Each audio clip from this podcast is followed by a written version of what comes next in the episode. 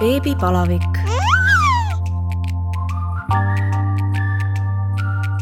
tere tulemast kuulama Õhtulehe uut podcasti Beebipalavik. mina olen saatejuht Katariina Toomemets ja täna on minu külaliseks äh, beebide ja laste unenõustaja Hanna.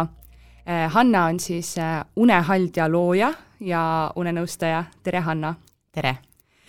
Äh, Hanna, äh, beebide ja laste uni on selline väga oluline teema ja ma olen äh, väga kindel, et ei ole maailmas lapsevanemad, kes ei oleks sellega kimpus olnud, selle teemaga, mõelnud, et miks minu laps ei maga või siis vastupidi, minu laps magab suurepäraselt. kuidas sinu kogemus näitab, kas pigem on sellega hästi või pigem ikkagi on natuke halvasti? noh vaata, minu jaoks on see natukene nagu keeruline vastata, sellepärast et mina puutun paratamatult kokku nagu selle poolega, kus on probleemid. Eh, ma lugesin küll ühest uurimusest eh, mõni aeg tagasi, et hinnanguliselt kolmkümmend protsenti vanematest ütlevad, et nendel nende lastel või nendel on nende laste unega siis sellised probleemid, millega nad tahaksid tegeleda, et see on probleem nende jaoks aga vot siin on jällegi see, et äh, mis kellegi jaoks on probleem ja mis kellegi jaoks ei ole probleem mm. -hmm. ma olen ka alati öelnud seda, et ähm, et lapse uni kui selline enamus juhtudel areneb täiesti normaalselt aga see, millisena see väljendub siis nagu uneharjumustes või selle, mida me nagu reaalselt näeme, näiteks mitu korda laps ärkab või mis kell ta hommikul virgub või palju ta päeval magab, et see on väga-väga palju ka äh, mõjutatud sellest äh,, kuidas vanem kujundab seda, kas siis teadlikult või mitteteadlikult mm, -hmm. et äh, ka need vanemad, kes võib-olla äh, enda arvates kujundavad või ei kujunda, tähendab seda üldse, et, et lasevad nii-öelda lapsel kulgeda, siis tegelikult me ei saa, me, me oleme oma lapsega kogu aeg interaktsioonis mm. -hmm. iga sinu äh, käitumine, see, millal seda nii-öelda voodist välja võtad või millal seda voodisse paned, kuidas sina tema märguandeid äh, näiteks äh, üldse äh, interpreteerid, eks, et on ta nüüd väsinud või ei ole väsinud, kõik see hakkab kujundama sinu lapse und ja teine pool on sellest siis äh, laps, eks äh,. ma üldiselt ütleksin, et Eestis äh, see teadlikkus ka ütleme sellisest, et kuidas lapse und toetada näiteks või kuidas lapse un-, uni füsioloogiliselt toimib, on aina kasvamas, aga jällegi mul võib olla natukene selline kallutatud mm -hmm. pilt, sest ma näen seda, eks ole, oma jälgijaskonna hulgas ütleme Instagramis kõige rohkem et, äh, et mul on hästi rõõm tõdeda, et järjest enam tulevad sellised hästi spetsiifilised küsimused, et kui, kui seal päris alguses, kui me alustasime, mis see oli, poolteist aastat tagasi umbes niimoodi Instagramis jagamist, siis äh, oli hästi palju selliseid küsimusi, milleks see või milleks too või mis asi see üldse on mm. -hmm. et nüüd juba inimesed teavad rohkem ähm, ja, ja aina rohkem nagu teatakse, et unenõustajad kui sellised on olemas ja et midagi võiks omalt poolt võib-olla või saab omalt poolt ka ära teha.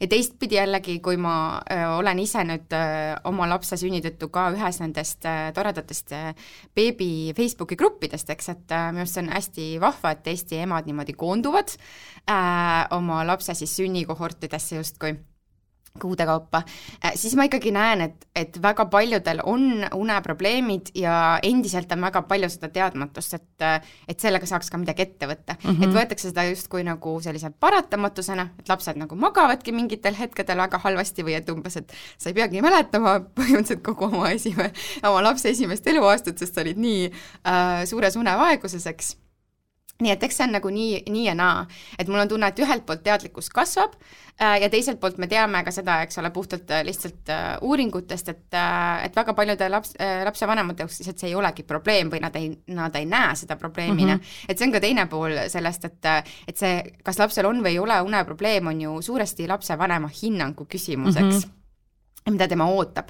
et mul on ka olnud kõnesid, kus äh, ähm, kaks kõnet, mille, mille nii-öelda faktiline sisu on täpselt sama, identne praktiliselt, et kui palju laps ärkab öösel ja, ja kuidas ta üldiselt magab päeval ja nii edasi, kui palju ta abi näiteks vajab uinumisel, ja üks ema ütleb, et olukord on täiesti väljakannatamatu mm, -hmm. ma enam ei jaksa, mul on piir noh, täiesti ületatud, kas me saaksime eile peale hakata.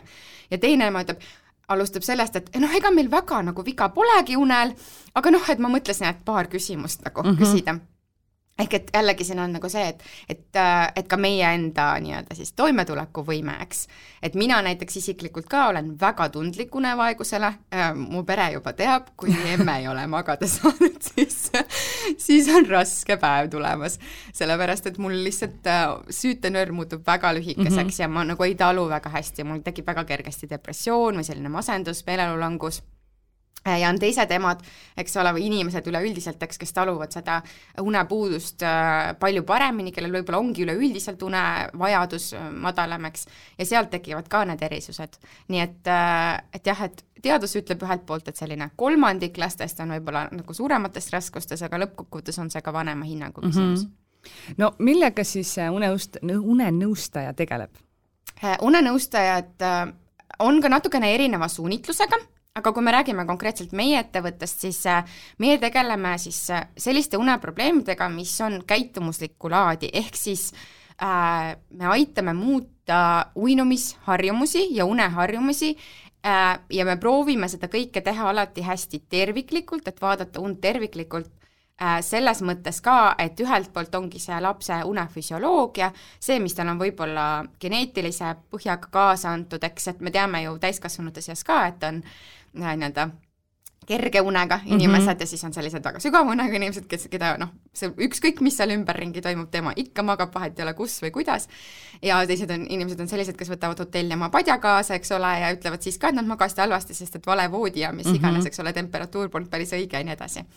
et, et tegelikult seesama tundlikkus hakkab peale nagu täiesti sünnist saati, eks, et see on meie selline sisemised äh, mingisugused sättumused või, või selline baas, millega me siia ilma sünnime ja siis hakkabki seesama interaktsioon, eks ole, vanemaga ja meie ei tegele siis nende meditsiiniliste uneprobleemide mm, -hmm. näiteks nagu uneapnoe, eks, vaid meie tegelemegi nende probleemidega, mis on võib-olla tekkinud sellest samast interaktsioonist lapse ja lapsevanema vahel, kus siis võib-olla siis lapse äh, tema poolt tulenevad tegurid ja vanemapoolne reaktsioon on viinud nagu selleni, et see laps ei maga väga hästi mm. -hmm. noh, mida võib siis jällegi, jällegi see taluvusläbi on erinev, äh, taluvusläbi on erinev vanematel, aga üleüldiselt see tähendab tavaliselt sagedased öised ärkamised väga sageli on sellised tunni-kahe takka, mõnikord on seal öö esimeses pooles võib-olla natukene pikem, kolmetunnine magamine, eks, ja siis sealt edasi hakkab kuni homm-, hommiku, vastu hommikut on eriti tihedalt võib-olla, mõni ärkab lausa neljakümne viie minuti takka terve öö läbi, eks,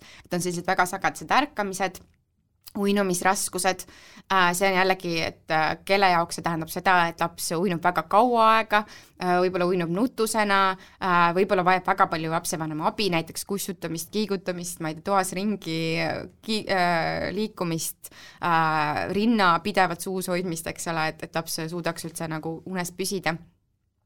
ja varahommikused ärkamised on ka üks väga soge probleem, millega pöördutakse et laps ärkab enne kuke ja koitu ja vanemad veel ei tahaks ärgata äh, nii vara äh,. ja siis on lühikesed uinakud sageli ka, et või see näiteks, et laps ei suuda äh, kuskil mujal kui ainult näiteks kärus magada mm -hmm. või mhm. liikuvas kärus. et jällegi, et ühel hetkel on see tore liikumisviis ja saab ennast nagu liigutada koos lapsega ja kõik väga vahva, aga ühel hetkel võib see muutuda ka nagu väga kurnavaks, kui see laps ainult siis magab, kui see käru mm -hmm. liigub ja need kilomeetrid, äh, ringid muutuvad aina pikemaks ja pikemaks, eks Äh, või lapsed on noh, päeval virilad, eks, sellepärast et nad ei ole nii hästi maganud, et need on need probleemid meiega, millega meie saame aidata. Ähm, et loomulikult unes, und mõjutavad ka, ka teatud äh, näiteks äh, vitamiinid, mineraalained ja niisugused asjad et seda me üritame ka alati nagu silmas pidada ja välistada siis need nii-öelda meditsiinilised tegurid mm, -hmm. mis võiksid seda und mõjutada, et, et seal me alati suuname siis edasi järgmiste spetsialistide juurde. aga jah, üleüldiselt võttes siis unenõustaja aitab lapse und parandada läbi siis käitumuslike võtete ja unekeskkonna optimeerimise. kui palju sinul endal lapsi on? kolm kui vanad nad on äh,? Minul, äh, nüüd meil oli just, meil on suur sünnipäevakuu, maikuu ja peres on väga palju sünnipäevi, et äh, minu kõige pisem sai just alles üheaastaseks nädalakene tagasi äh,. ja laupäeval tähistasime minu kõige vanema lapse sünnipäeva, kes sai nüüd kuueseks ja, ja keskmine laps siis saab sügisel viieaastaseks, et tema on siis seal vahepeal. nii et kaks väga väikese vahega ja siis üks pesamunu kuidas äh, sinust siis unenõustaja sai, ma eeldaks, et, et seal on mängus ikkagi isiklik kogemus, et äh, ja, ja isiklikud nii-öelda oh, probleemid. oo oh, jaa. Äh,, minu esimene laps, ma olen seda mitu korda öelnud ka, minu esimene laps tuli siia ilma mind õpetama. Et äh, mina äh, lähenesin emadusele nagu äh, suure hurraaga. See oli väga soovitud laps. Ma väga ootasin teda ja ma olin, lähenesin niimoodi, et oh, ma saan kõigega hakkama, noh, see on käkitegu, ma olin varasemalt töötanud äh, aastaid äh, lapsehoidjana, erinevas vanuses lastega töötanud. Ja mul oli noh, see saab olema noh, nii chill. Ja, ja kõik, ma võtsin seda rasedust äh, mõnuga, sünnitust ootasin lausa, mul oli nii põnevus, et mis see endast kujutab. noh, ja siis tuli reaalsus et ega ma ennast väga selles mõttes ette ei valmistanud, sest mul oli ka tunne, nagu väga paljudel tõenäoliselt äh, suudavad sellega suhestuda, et no mis see ära ei ole, noh et, et ma kulgen oma lapse tempos, et küll ta nagu annab mulle märku või küll ma saan kuidagi aru või tean nii-öelda instinktiivselt, eks, et väga palju räägitakse ju sellest äh, ema instinktist mm -hmm. ja ma olen täiesti sada protsenti olnud, jah, see on olemas, aga lihtsalt mõnes olukorras see mind vähemalt küll kahjuks välja ei aidanud. et et mul oli väga raske sünnitus temaga, see läks täiesti teistmoodi, kui ma olin endale ette kujutanud ja kõigest minu sellisest rahulikust ja lõdvestunud pealeminekust ei olnud nagu suhteliselt mitte midagi kasu, ma tundsin ähm,. ja sealt edasi läks kuidagi samas vaimus mm, -hmm. et, mhm. et ta oli jah ta ärkas väga-väga tihti, et kogu vastsündinu aja ta ärkas iga tunni-kahe tagant öösel ja sõi, ta oli päeval tihtipeale kohutavalt nutune ja viril ja pahas tujus, ma mäletan ühte päeva eriti, kus ta oli kaheksa tundi järjest, ma hüppasin selle võimlemispalliga temaga lihtsalt. Niimoodi, mul oli selg juba täiesti lõi tuld ja ma lihtsalt ei saanud sealt ära tulla, sest noh, mul oli ta nagu üldse, ta pani niimoodi viieks minutiks silma kinni, jälle silm lahti. Ja mina mõtlesin, et minu, kui minu laps kolm tundi oli üleval vastsündinuna, siis seda oli juba palju no seda ongi tegelikult vastsündinu jaoks päris palju, aga jah, et et meil olid ikka selliseid ekstreemseid äh, päevi, kus mulle tundus, et noh, et ta ei magagi, et ma ei saagi teda magama äh,. mul oli paar juhust sellist, ma olin tol ajal äh, esimesed kolm kuud oma ema juures, ema-isa juures sellepärast, et äh, me elasime tegelikult äh, Saksamaal, aga ma ei tahtnud Saksamaal sünnitada mm, -hmm. tahtsin nii-öelda kodus, koduses keskkonnas sünnitada ja esimesed kuud veeta ikka ema tugi ka ja nii ähm,. ja ma mäletan paari juhtumit, kus oli niimoodi, et äh, ma olin lapse magama saanud just ja pannud siis enda kõrvale ja mõelnud, et no nii, nüüd ma saan vähemalt noh, poolteist tundi oma peas nagu et enne, kui ta siis uuesti ärkab äh, ja mu ema tuli, äratas mind, sest mul oli röökiv laps kõrval ja ma ei ärganud selle peale, sest ma olin nii väsinud mm, -hmm. et kui ma olin nagu ajule juba öelnud, et nüüd ma saan poolteist, eks ole, ma nagu olin kuidagi ennast välja lülitanud ja ma lihtsalt ei kuulnud, ükskord oli päeval ja ükskord oli öösel ka, et ema tuli lõpuks vaatama, et mis lahti on mm, -hmm. et miks laps ei rahune ja mina lihtsalt norskasin äh, noh, põhimõtteliselt suu, suu lahti seal ja niimoodi see läks edasi. ja tema oli ka laps, kes ei maganud kärus, ma kärutasin, ma mäletan jällegi neid pargiringe seal, kärutasin ja kärutasin ja laps lihtsalt vaatab mulle virina näoga otsa ja nutab ja nagu mida sa must saada tahad? Ja noh, ta ei maganud mitte kusagil, oli mul selline tunne. Ja ma üritasin ka internetist nagu otsida abi. Ja siis ma leidsin, et oh, et valge müra, siis ma lasin ühe korra seda valget müra, vaatasin, ah ei, sellest ei ole mingit tolku. Mm. -hmm siis ma leidsin, et oh, et äkki mähkimine, no proovin mähkimist. ühe korra proovisin, oh töötaski. panin lapse magama. Ja, ja väga tore, no magas ainult nelikümmend viis minutit, noh, ja ma küll, aga magas, eks ole, ta jäi magama ilma nutu ja karjamiseta, kõigeta. aga siis teine kord millegipärast ei jäänud. Ja noh, jälle ma viskasin selle nurka, on ju ja läksin oma eluga nii-öelda edasi. jällegi nüüd tagantjärgi tarkus on see, et no kulla inimene, noh, et ära proovi ainult ühe korra, proovi mitu korda või vaata asja jälle nagu, et noh, kõik need asjad koostoimes mm -hmm. töötavad, on ju. aga noh, sellel hetkel mul oli nagu see, et, et võtsin üks ja võtsin teist ja proovisin ja proovisin, mulle tundus, mitte midagi ei toimi, mitte miski ei toimi tagantjärgi tarkusena ma arvan, et mu lapsel oli ikkagi selline varjatud refluks, tal ei olnud väga palju tagasiheidet, aga ta oli, tal olid nagu väga sellised selged sümptomid jällegi tagantjärgi tarkusena vaadates, et ta tegelikult, tal oli äh,, tundus, et tal tegelikult oli ka väga ebamugav mm -hmm. olla ka kohati Äh, ja seetõttu ta küsis ka väga palju rinnale, sest noh, see lohutas, aga teistpidi jällegi refluksiga lastel on see, et mida rohkem sa annad neile rinda, seda rohkem see tegelikult võimendab nende sümptomeid mm -hmm., ehk siis see on selline nõiaring, millest sa ei saa enam välja ja, ja niimoodi see läks edasi, kuni ta oli viie poole kuune, siis ma tundsin, et mul oli täiesti kõik piirid ees. et ma enam ei jaksanud, ma lihtsalt nutsin oma abikaasale, ma ütlesin, ma ei jaksa enam, ma lihtsalt ei jaksa. ta ärkab ikka veel öösel, eks ole, iga tunni-kahe tagant ma olen täiesti läbi, ma olen päev otsa lihtsalt zombid, ärkab hommikul kell viis juba üles, eks. Siis ma mõtlen päev otsa, kuidas ma ta üldse uinakutesse saan, kas ma üldse saan ta magama. siis oli vähemalt nii palju, et ta nagu kärus lõpuks jäi neljakümne viieks minutiks, eks, aga siis pidi käru kogu aeg liikuma mm. -hmm. ja noh, rahe ja vihma ja millega iganes, eks, et sa pead välja minema. ja siis ma täiesti ühe õnneliku juhuse läbi sattusin Racheli postituse peale ühes Facebooki grupis, see oli üldse ettevõtjatele mõeldud äh,. tol hetkel mul oli üks teine ettevõte ja ja ma mõtlesin, et päriselt niisugused inimesed on olemas, kes tegelevad sellega. Lugesin, kes on äh, Rachel? Rachel on minu, äh, nüüdseks siis minu äripartner, Rachel Kullmann on tema nimi, äh, ta on selline, kuidas öelda, kuidas siis, maailmakodanik või okay., et ta on väga paljudes kohtades elanud, tema ema on ameeriklanna, isa on Uus-Meremaalt, aga nad on, kui tema kasvas üles, siis nad elasid mingi aeg Hiinas, mingi aeg Mongoolias, Iirimaal, et Inglismaal, aga erinevates kohtades Äh, ja tol hetkel elas ta Šveitsis, mina elasin Saksamaal, nii et selles mõttes nagu lähestikku meil oli sama, sama nagu ajavöönd ka, et mm -hmm. sattus nagu niimoodi ja sattusime lihtsalt näg-, nägin, läksin tema blogisse, lugesin paar blogipostitust ja sain aru, et ta teab täpselt, millest, noh, millest, mis mu mure on.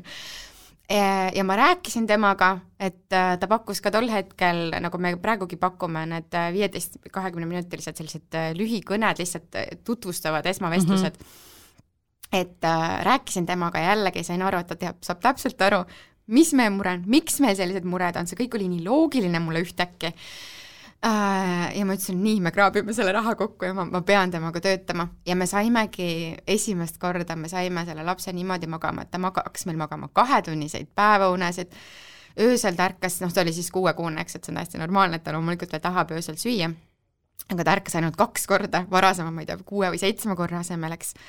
Ja ma tundsin, et issand jumal, noh, et, et see oli nagu selline kergendus ähm,. ja no eks ma hiljem maadlesin selle lapse unega veel, eks ole, et tema oligi selline natukene nagu keeruline magaja, igatpidi, et kõik uneregressioonid ta käis läbi mm -hmm. ja äh, ja sai temaga ikka maadeldud ühte ja teistpidi, aga see esmane selline nagu kergendus ja ma sain lihtsalt aru sellest, et ma ei pea sellega lihtsalt leppima mm, -hmm. et midagi on võimalik ette võtta. see on vist emadel mingi asi, et noh, et tuleb ära kannatada. just, see on väga kuidagi meile omane, noh, eks see on meil see nagu sisse kasvatatud ka, mingi, meie emad kannatasid ära mm, -hmm. nende emad kannatasid ära ja nii edasi ja nii edasi ähm,. aga jah, et mina sain aru, et ma ei pea seda ära mhm. kannatama mm, -hmm. et see ei pea olema normaalsus. selline pidev, tead, poolsurnuna elamine natukene, eks, et selline zombitunne kogu aeg või see, et äh, nagu me oleme ka tihtipeale äh, rääkinud sellest äh, Unehaldja Instagramis, et, et see ei ole nagu see auhind, mille sa saad, et keegi mm -hmm. ei anna sulle trofeed et oh, kui hea ema sina oled, et sa nii palju kordi mm -hmm. oma lapsega öösel üleval oled, eks, või talle rinda annad või pudelit annad või teda kussutad või mida iganes teed, et see ei ole nagu selline äh, hea ema etalon, eks mm, -hmm. et, et lasta sellest lahti, et jah, et äh, loomulikult on oluline, et lapse vajadused saaksid kaetud, aga see kindlasti ei ole midagi äh,, mis defineerib meid kui head ema ja siis oligi niimoodi, et äh, ühel hetkel, kui mu teine laps sündis, siis ma juba olin targem, ma kohe läksin Racheli juurde, ütlesin, ma tahan kohe algusest peale nagu paremini magada, nii kui esimesed probleemid hakkasid tekkima, ma kohe tegelesin nendega, et oli ka tõesti nagu nii palju parem magaja tänu sellele. Um,. ja siis ühel hetkel ma läksin Racheli juurde tööle alguses virtuaalassistendina, et tal oli lihtsalt natukene vaja abi sotsiaalmeedia, ütleme seal visuaalide kujundamisel ja, ja turundamisel. Äh, ja ma olin lihtsalt nii vaimustuses selles mõttes sellest võimalusest äh, aidata neid peresid, eks, kellel oli tõesti väga raske, et meil oli nii, noh, tuli neid lugusid järjest või seda tagasisidet, et kuidas inimesed julgesid lõpuks saada hoopis näiteks teist last mm -hmm. tänu sellele, et nad said oma esimese lapse une korda, sest nad olid otsustanud, et ei, noh, et, et sellist õudust nad enam nagu ei suuda läbi teha äh,, kes oli olnud ka tänu sellele, eks ole, sünnitusjärgses depressioonis mm -hmm. näiteks ja nii edasi et tegelikult see lapse unis ei ole lihtsalt selline, et ah, las olla, eks, et küll ta ükskord välja kasvab, et tegelikult sellest võivad tulla väga paljud äh, probleemid peresiseselt ka. ma tean juhtumeid, kus äh, vanemad on reaalselt läinud lahku mm. -hmm sellepärast, et laps magab nii halvasti ja nende omavahelised, eks ole, et kui me oleme unevaeguses, me keegi ei ole parim mina, on ju, selles no, väga olukorras. lihtne on ju öelda mehele, et ta ei maga ju, mis sa teed, noh, see ei aita ju mm. -hmm just, ja, ja, ja tihtipeale ka emad tunnevad ennast nagu üksi, et paratamatult väga sageli jääb see ema kanda, kõik mm -hmm. see unetus, kõik need öised ärkamised, eriti kui seal on näiteks tõesti see rinnaga uinutamise äh, küsimuseks, et mees justkui ei saagi aidata või siis mees on tööl ja, ja emad on päev läbi üksi ja peavad hakkama saama selle lapsega, nad ei saa ka järele magada, neil ei ole maga siis, kui laps magab, aga kui, millal ma magan, kui mm -hmm. laps magab ainult äh, siis, kui jah, liikuvas kärus, et millal see siis järelemagamine toimub, eks, et ei olegi niisugust varianti Äh, nii et jah, et see, see kuidagi, ma jõudsin järjest nagu selleni lähemale, et ma tahan ise ka osata neid peresid nagu päriselt aidata. et mul olid juba mingid infokillud, aga ma tahtsin tõesti seda nagu tervikuna aru saada ja kuna mul oli see baasharidus nii-öelda psühholoogina juba all, et mul magistrikraad on psühholoogias, siis see kõik nagu tundus mulle hästi loogiline mm -hmm. tegelikult, kuidas need asjad käitumuslikult äh, toimivad, et noh, sisuliselt äh, see leebe unekool on väga, väga väga niisuguse samastatav nagu käitumisteraapiaga mõneti, eks. et jah, et muutusi teeb, juhib seal vanem, eks, mitte inimene ise, võib-olla kui me täiskasvanuga teeme käitumisteraapiat, eks, et siis on see inimese enda ülesanne mm -hmm. neid käitumuslikku muutusi läbi viia. et seal on see rohkem vanema ülesanne, eks, sest laps ei saa seal nii palju kaasa, kaasa veel rääkida. aga, aga et see on väga, selles mõttes need printsiibid on kõik samad. ja siis ma hakkasin vaikselt niimoodi, et võtsingi ühe kliendi, teise kliendi vaikselt niimoodi oma sõprade seas äh, nii-öelda saatsin sõna laiali, et ma teen seda ja siis ühtäkki oligi, tuli neid uksest ja aknast neid peresid, kes tegelikult seda abi vajasid ja nii me olemegi vaikselt siis kasvanud. et nüüdseks on Unehaldes juba siis äh, minuga koos neli nõustajat, kes siis, äh, kes siis nõustavad ja aitavad peresid. no kuidas see unenõustajaks õppimine käib? Sa enda, enda puhul rääkisid, et sul oli juba psühholoogiaharidus all yeah.. kas, kas siis on mingid koolitused nõustajatele või kas sul peab olema seal all mingisugune haridus või mina, kes ma olen töötanud pool oma elu ajakirjanikuna, võin ka, ma otsustan, et nüüd ma, minu, ma tahaks ka saada unenõustajaks, kas see on võimalik? põhimõtteliselt on küll võimalik, et loomulikult see alusharidus ähm, annab sulle teatava eelise. et noh, et minu puhul see, et, et ma tunnen inimese psüühikat, eks äh,, äh, lapsepsüühikat ka äh, ja, ja ma tean näiteks, et täpselt see, et, et kui me räägime näiteks nendest meetoditest, ma saan aru, mis printsiibid seal taga on, miks need toimivad, miks mitte, sest ma olen õppinud seal ütleme operantset tingimist või klassikalist tingimist või mida iganes, eks. Ähm, aga teistpidi noh, on täiesti võimalik ka õppida välja äh, nii-öelda täpselt nagu sa ütlesid mm, -hmm. et mhm. ükskõik millise taustaga, eks. et ka si-, ka sinust võib saada unenõustaja, kui seda väga soovid, lihtsalt sul on tõenäoliselt vaja rohkem äh, erinevaid asju õppida sinna juurde äh,. mis on problemaatiline, ongi see, et tegelikult unenõustaja ähm, jaoks ei ole sellist väga head akrediteeritud õppekava mm -hmm. või midagi, mis kuidagi annaks meile sellise kvaliteedi garantii. et selles mõttes on see selline reguleerimata ala äh,, Äh, ja nagu ma eelnevalt mainisin ka, et unenõustajaid on erineva suunitlusega, on osad, kes on väga rangelt näiteks äh, äh, unekooli hoopis vastu, et nemad üldse käitumuslikke sekkumisi või, või kui teevad, siis äh, teevad see, teevad nii-öelda, nad ei nimeta seda unekooliks. minu isiklik arvamus on, et see on eksitav, sellepärast et tegelikult äh, mida unekool jällegi, kui me mõtleme laiemalt, siis see ongi lihtsalt käitumuslike selliste võtete kogum, mida me siis saame rakendada kõiki neid meetodeid, mida me ka võib-olla internetist leiame, on võimalik väga-väga palju modifitseerida, jällegi, kui sa tead neid baasprintsiipe, millel mm -hmm. need põhinevad, siis sa saad sealt tuletada erinevaid variante, loomulikult kui sa oled algaja nõustaja, siis sul on mõistlikum jääda nende nii-öelda kindlalt välja töötatud, oma efektiivsust juba tõestanud meetodite juurde ja siin on muidugi väga oluline teha ka vahet nii-öelda sellel karmil unekoolil või niisugusel vanakooli unekoolil, mida mõnikord tituleeritakse eesti keeles ka nutukooliks, eks. Ja neid leebemaid meetodeid, mis on nüüd siis hilisemalt välja töötatud, eks, jällegi äh, psühholoogia areneb kogu aeg. Mm, -hmm. unenõustamine ka areneb kogu aeg, et me ei saa võtta niimoodi, et ah, kunagi tehti niimoodi, eks ole, nelikümmend aastat tagasi või kakskümmend aastat tagasi, et nüüd on täpselt seesama ikka veel, eks, et kõik alad ju arenevad edasi, tulevad uued paremad teadmised ja seeläbi ka paremad meetodid. et, et selles mõttes ja, ja seal on ka teine pool on see, et, et noh, et samamoodi need unenõustajad, kes ennast vastandavad unekoolile, et, et miks ma nagu arvan, et see on selline, ei ole nagu äh, põhjendatud, on, ongi jällegi see, et, et isegi kui sa teed äh, kõige järk-järgulisemal ja leebemal ja ja lapsest nii-öelda lähtuval viisil ja kõik see, seal võib ikka nuttu olla mm, -hmm. eks et lapse jaoks igasugune muutus inimese kui sellise jaoks on raske eks, ja see oleneb ka väga palju lapsest. mõni ongi selline rahulikum laps, kes lepib kiiremini nende muutustega ja tuleb nendega kergemini kaasa, teise lapse jaoks on see muutus raskem, eks, et äh, ta tuleb nii-öelda, temal tuleb see raskemini või ta satub kergemini stressi, ükskõik millistest muutustest, et seda me, see ei ole ju ainult uni, et me näeme seda lapse temperamendi pealt mm -hmm. ükskõik millistes olukordades, mõne noh, lapse jaoks on väga raske näiteks, kui tal keskkond üldse vahetub, eks, ta läheb ühest kohast teise, ta kodus võib-olla hoopis teine laps, kui ta kuskil seltskonnas on ja temaks on see väga raske raske, sest lihtsalt kõik muutus ja liiga palju stimulatsiooni ja nii edasi. et kõik need asjad ju, ju mängivad rolli ka selles, kui me hakkame mingeid muu, ükskõik milliseid harjumusi, söömisharjumusi muutma, uinumisharjumusi muutma, mida iganes ähm, et, et selle, jah, see unekool on nagu nii palju laiem äh, mõiste tegelikult ja noh, meie ikkagi üritame teha võimalikult lapsesõbralikult, võimalikult peresõbralikult äh, ja, ja leebelt, eks, aga et noh, et, et kui sa unenõustajaks õpid, siis neid neid võimalusi on erinevaid, aga need ei ole reg-, reglementeeritud ega reguleeritud ja see nagu kliendi jaoks tegelikult teeb selle asja raskeks, sellepärast et sa ei tea, keda täpselt usaldada mm, -hmm. mis tema väljaõpe on.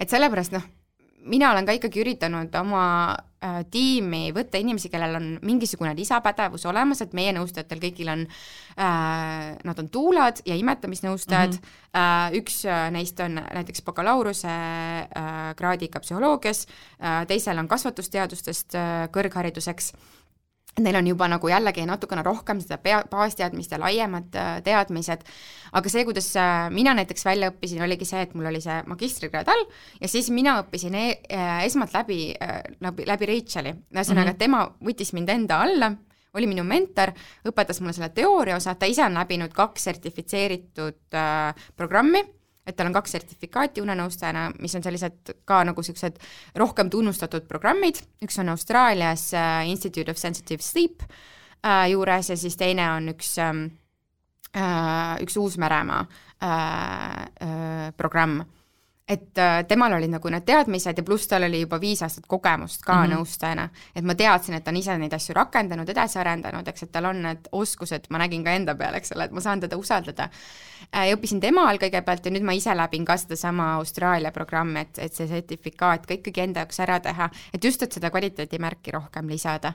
noh, lõppkokkuvõttes on ikkagi, mida ma väga soovitan inimestele, on see, et äh, et tehke kõigepealt see esmane vestlus selle või konsultatsioon selle nõustajaga, rääkige temaga, tunnetage, kuidas teil omavahel mm -hmm. klapib, eks, jälgige ähm, seda inimest sotsiaalmeedias või lugege, kui tal on blogi või mingit materjali, mis on nii-öelda tasuta kättesaadav kõigepealt, ja vaadake, kuidas see teiega nagu resoneerub mm, -hmm. eks Äh, ja võib-olla lugege tagasisidet, no muidugi tagasisidega on ka alati see, et igal nõustajal on edu, edulugusid ja on äh, nii-öelda siis äh, negatiivset tagasisidet, see on paratamatu, kui me inimestega töötame ükskõik millisel alal. Mm, -hmm. samamoodi nagu on arstidel, eks ole, patsiente, kes ei ole nende tööga rahul, nõustaja on inimene, eks. Äh,, ka temal võib äh, olla nii-öelda siis juhtumeid, mida ta nii-öelda ei murra seda koodi mm -hmm. läbi või millest ta ei ampsa, ampsa läbi. Äh, või, või keerulisemaid juhtumeid, kus tema teadmised saavad ühel hetkel otsa, eks ähm,, aga noh, nõustamine on ka alati kahepoolne äh, protsess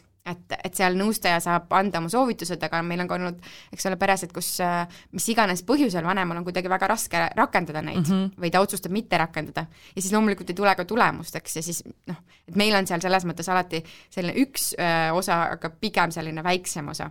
Et, et vanemal ikkagi lasub lõpuks see Äh, see suurem vastutus, äh, need, äh, need muutused siis ka nagu ellu viia reaalselt.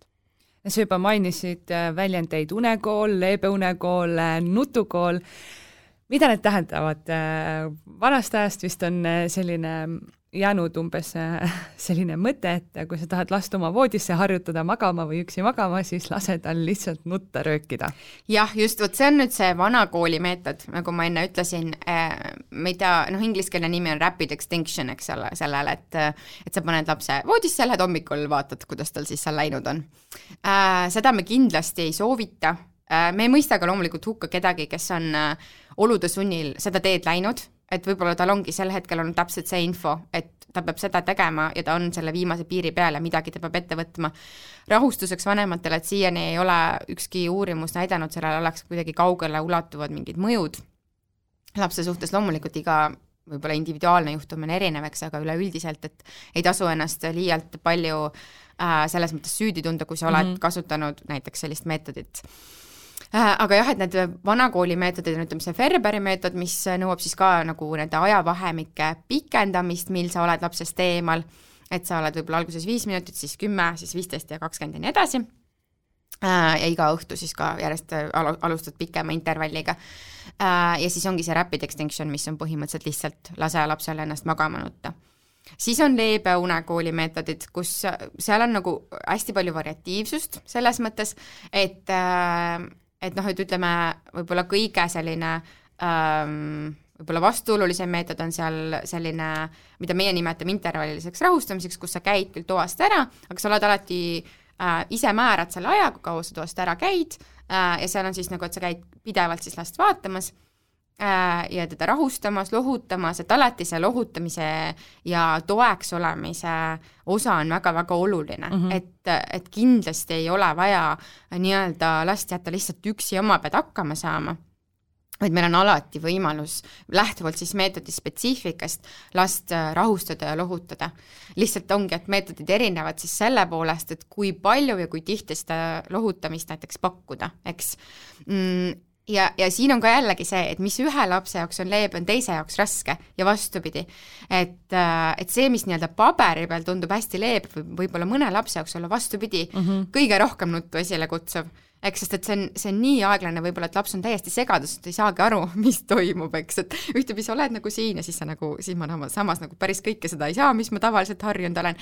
nii et, et seal on nagu jah, tõesti, et on, on kuni nagu tõesti selliste võib-olla kõige leebem meetod, mis mul kohe tuleb pähe, on, on see, kui on see, kui, kes on lugenud seda Nututa uniraamatut, võib-olla see on selline tuntud raamat, mida paljud eestlased on lugenud, et, äh, et seal on selline, et, et hakkad näiteks noh, ütleme äh, rinnal uinumine, eks, et hakkad seda rinda võtma järjest nagu varem ära, noh et, et peaaegu, võib-olla alguses on lihtsalt täitsa, täitsa magavana ja siis juba natukene vähem magab, aga noh, et, et seal on ka nagu see, et aga kuidas sa kindlaks teed mm, -hmm. kui mitu protsenti ta praegu juba on unine või magab, eks. E, ja sageli see lõpeb ka, mul on väga paljud tulnud ka jällegi nõustamisse, et me proovisime seda, aga no ükskõik, millal ma selle ära võtan, kohe on kisa lahti jälle uuesti ja me ei saa nagu sammukestki edasi, eks. kogu aeg oleme nagu täpselt sama mm -hmm. koha peal ja lihtsalt see uinumine lõpuks on tund aega pikk, sellepärast et ma kogu aeg võtan ära, ta jälle nutab, ma jälle panen tagasi, jälle ta nutab ja niimoodi võib-olla me oleme kaks nädalat teinud, on ju, kolm mm -hmm. nädalat, ja mitte midagi pole nagu paremaks läinud.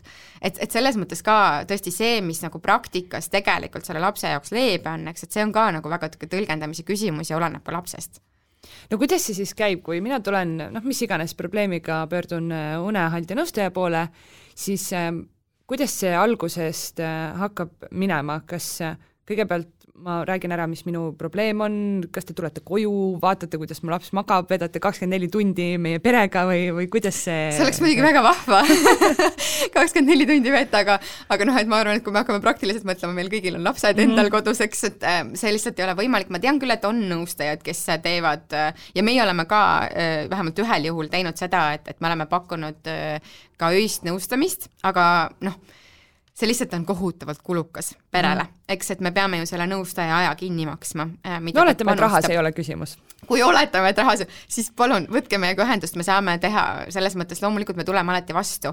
et, äh, et kes tõesti tunneb, et ta vajab seda nii-öelda nõustaja kohalolu, meil on olemas võimekus nõustajate seas ka tulla tõesti koju tegema, enne koroonat me tegime rohkem äh, ka koduvisiite nii-öelda ja sai, sai teha konsultatsiooni kodus, aga kui nüüd jälle nagu kaks sammu tagasi minna, et kuidas see kõik algab, siis äh, meie enamasti soovitame kõigepealt tullagi esmasele konsultatsioonile. hetkel me pakume esmaseid konsultatsioone vähemalt kuni septembrini tasuta nii et pead lihtsalt panema endale aja, valima kalendrist aja, see on super mugav broneerimissüsteem, lähed meie kodulehele, klikkad nuppu, broneeri esma, esmakonsultatsioon, valid endale aja, paned oma andmed sinna kirja ja sulle saadetakse Zoom link, lähed Zoomi ja räägid oma nõustajaga. ja see ongi tegelikult selle jaoks, et ühelt poolt nõustaja saab hinnata, kas meie oleme pädevad selles olukorras aitama mm -hmm. ja teiselt poolt vanem saab hinnata, et kas see inimene sobib mulle. sest täpselt nii nagu igasuguses muus näiteks teraapias või nõustamises, sa pead selle inimesega ka ini, nagu inimlikust mhm. aspektist mm -hmm. klikkima nii-öelda, eks.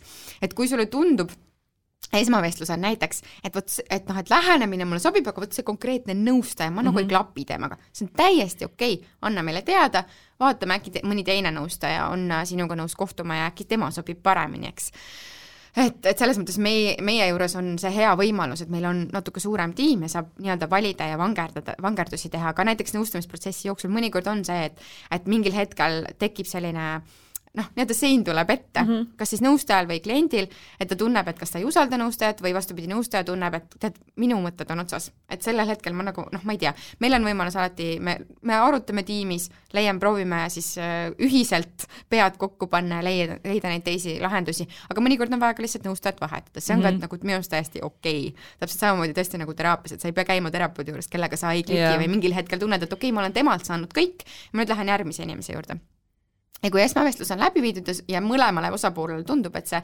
koostöö võiks klappida äh,, siis on meil kokku pandud pakett äh,, mis noh, põhinebki tegelikult sellel, mida me näeme ise praktikas, mis kõige paremini toimub äh,. sest et meid, meilt on palju küsitud, et aga äkki ma saaks ikka niimoodi või naamoodi et selles osas ma soovitan, et usaldage nõustajat, ta on teinud väga-väga palju protsesse läbi ja ta tõenäoliselt teab üsna hästi, milline protsess kõige parema tulemuseni viib mm. -hmm ja sellest me olemegi proovinud lähtuda, et me oleme näinud, eks ole, me oleme katsetanud ka natukene lühema või pikema tugiperioodiga näiteks. Ja meie konkreetne pakett praegu on niimoodi, et on sul äh, kõigepealt sa täidad ära küsimustiku, et me saaksime tõesti täis sellise väga põhjaliku pildi sellest, äh, mis on probleemid, seal on oluline ka taustategurid, tõesti, me küsime tavaliselt ka selle kohta, kuidas näiteks laps vastsündinu eas oli, kui ta ei ole enam vastsündinu. Mm, -hmm. kuidas sünnitus oli, sest ka sünnitraumad rasked sünnitused, need mõjutavad und hil hiljem toitumine on väga oluline osa, eks, et kõik need asjad pan-, pannakse kirja, ka see, milline vanema kasvatusstiil on, millised tema väärtushinnangud on, et seal on need meetodi valikud ja võib-olla on vaja rääkida tõesti nendest kitsaskohtadest või rasketest kohtadest, mis selle pere jaoks võivad tulla mm. -hmm ähm,. ehk siis tegelikult vanem peab seal ka ennast äh, niimoodi pulkadeks nagu võtma? natukene küll jah, et, et see, noh, see vanema äh, häälestatus on ääretult oluline et äh, sellepärast on ka see esmavestlus hästi oluline. et sageli on olnud meil näiteks niimoodi, et nõustaja ongi, mitte sageli võib-olla, aga et on, tuleb ette neid juhtumeid, kus äh, nõustaja ütleb, et et tead, ma tunnen, et äkki sa ei ole veel päris valmis mm -hmm. selleks protsessiks, et sest et noh, jällegi nõustaja ei saa tulla ja sinu eest neid äh, muutusi ära teha mm. -hmm. Äh, mult on selle ühe, ühe korra seda küsitud, aga noh, jällegi see on see, et noh, et me kõik ju teame emadena, et laps ju lepib tõenäoliselt oma vanematega, mitte mingi suvalise tädiga, kes tuleb lihtsalt, jalutab uksest, vot sellest võib ta küll trauma saada, eks, et kui tuleb suvaline tädi ja jalutab sisse ühel õhtul, ütleb no nii ja nüüd paneme su magama. et see asi ei toimi seda ma ei soovitaks tõesti ka kellelegi, et ikkagi oma vanem, oma turvaisik peab olema sealjuures ja, ja lapsega koos need muutused läbi tegema. ja, ja see muutuste protsess võib olla raske ka vanemale et jällegi unes on tihtipeale sellised äh, elemendid, mida vanemad tahavad muuta, aga mis samas teistpidi on nagu mõnusad ka, et noh, seesama, eks, et ma ei tahaks nagu iga päev minna selle käruga jalutama, aga mõnikord on mõnus. ma ei tahaks nagu võib-olla iga päev võtta last kaisu, aga teinekord on päris mõnus temaga kaisutada, eks.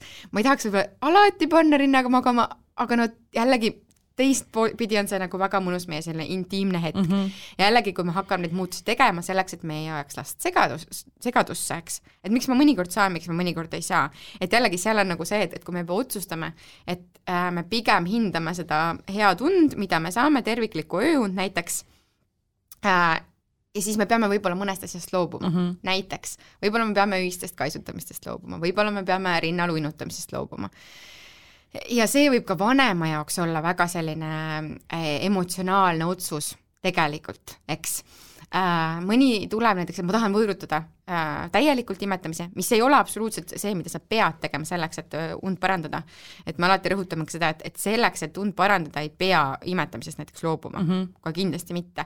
aga mõni tahab, et ütlebki, et noh, et laps on näiteks juba üle aastane ja nüüd ma tahakski juba nagu loobuda aga teistpidi, eks, et see emana võib olla ka selline emotsionaalne teekond mm -hmm. selleni, et lõpuks päriselt see viimane kord, eks ähm,. Nii et seal on nagu hästi palju erinevaid asju, mis mõjutavad, aga Äh, aga meie oleme jah, proovinud nagu niimoodi selle paketi kokku panna, et me saaksime tõesti alguses nagu võimalikult hea tervikpildi, siis on äh, vanemal nõu-, nõustajaga kohtumine äh,, tavaliselt Zoomi teel, jällegi varasemalt me tegime ka koduvisiite, aga kõigi turvalisuse huvides me väga tõesti ei julge nagu kodudes käia enam, mõnikord me oleme teinud erandeid, aga noh, see on tõesti noh, me ei, me ei taha tõesti, et keegi meilt saaks midagi mm, -hmm. eks, et pisikesed lapsed ju ikkagi ka mängus äh,. aga et räägitakse siis kõik läbi, et milliseid äh, muutusi nõustaja sellisel äh,, sellises situatsioonis soovit- äh,, soovitab teha ähm,, milline meetod võiks sobida, millised on jällegi need võib-olla murekohad äh, lapsevanemal või hirmud, millega tuleks tegeleda, et äh, kaks meie nõustajat näiteks on ka raseduskriisi nõustajad, neil on nagu need teadmised ka, eks ole, kohe varnast võtta nii et äh, ja siis, kui see plaan on nii-öelda omavahel läbi räägitud, siis nõustaja kirjutab selle ka kirjalikult kokku, et äh, me anname ka hästi palju niisuguseid taustateadmisi seal uneplaanis. et jällegi on hästi oluline, et, et vanem saaks aru, miks ta midagi teeb mm -hmm. ja mis see konkreetne siis samm on, mille ta astuma pean. sest et me oleme näinud seda, et kui me ei anna seda taustateadmist, et me teeme näiteks ühekordse konsultatsiooni ja siis on pärast küsimus, aga miks ma ikka nii pean tegema, aga ma ikka tegin seal selle väikse möönduse, eks, et ja siis, aga miks ei toimi? noh, ja siis sa üri-, peadki no sellepärast ei toimigi. jah, et sa tegid selle väikse möönduse. aga noh, et, et lapsevanema jaoks peab olema ka selge, et kus need piirid lähevad, et mida ta saab ja mida ta ei saa teha või miks mingisugune asi on, on täpselt nii, nagu ta mm -hmm. on ja miks me ei saa seal näiteks järele anda, eks ähm, nii et me, me informeerime äh, ja natuke koolitame ka vanemat läbi selle. Äh, ja samas on ka selline tõesti see, et ta saab uuesti minna sinna uneplaani lappama, kui tal näiteks mingi küsimus tekib, loomulikult tal on ka see nõustaja tugi sealjuures, aga see dokument näiteks ma mäletan endal, kui Rachel mulle tegi uneplaani, ma lugesin seda veel kuude pärast uuesti mm -hmm. üle, mingeid asju nagu jälle tuletasid endale meelde, mis, oota, mis sellega oli, mis tollega oli. nii et see on selline nagu hea materjal, mis saad endaga kaasa võtta ka hiljem ja siis äh, hakkab see tugiperiood, ehk siis tõesti see äh, nende muutuste ellurakendamine. ja see on äh, juba tavaliselt siis äh, meie, meie teeme hetkel kaksteist päeva äh,, ehk siis selline kaks nädalat ja nädalavahetus on tavaliselt siis nõustajal niisugune puhke, puhkehetk mm, -hmm. vahepeal me tegime ka nagu nädalavahetustel, aga noh, jällegi me peame hoidma ka oma nõustajate vaimset mm -hmm. tervist, eks. et ähm,, et me ei saa lasta neil kakskümmend neli seitse kogu aeg ainult tööd teha. et see on, nõustaja töö tegelikult on emotsionaalselt hästi kurnav äh, ja noh, et, et kes on töötanud meie nõustajatega, ilmselt teavad ka, kui palju tegelikult nõustaja panustab sellesse koostöösse äh, ja kindlasti osa jääb ka nägemata mm. -hmm. et meil on tõesti sellised nõustajad, kes on väga pühendunud oma tööle, kes väga-väga hoolivad oma klientidest.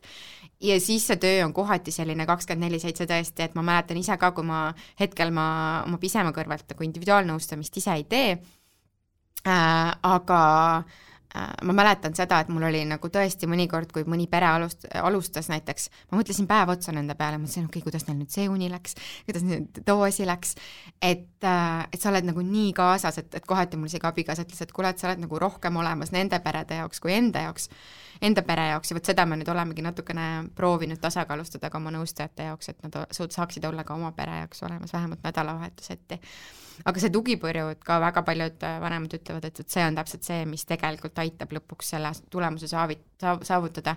et väga paljud tulevadki, et kui meil on ka seminarid, eks, et sa saad tegelikult tulla seminarile või siis osta selle seminari salvestus äh, ja kohe-kohe on tulemas ka selline kursuse formaadis neli kuni kakskümmend neli kuud äh, välja kursus ja sa võid selle kõik selle teadmise omandada, sul antakse meetodid ja kõik asjad, päevakavad, kõik asjad.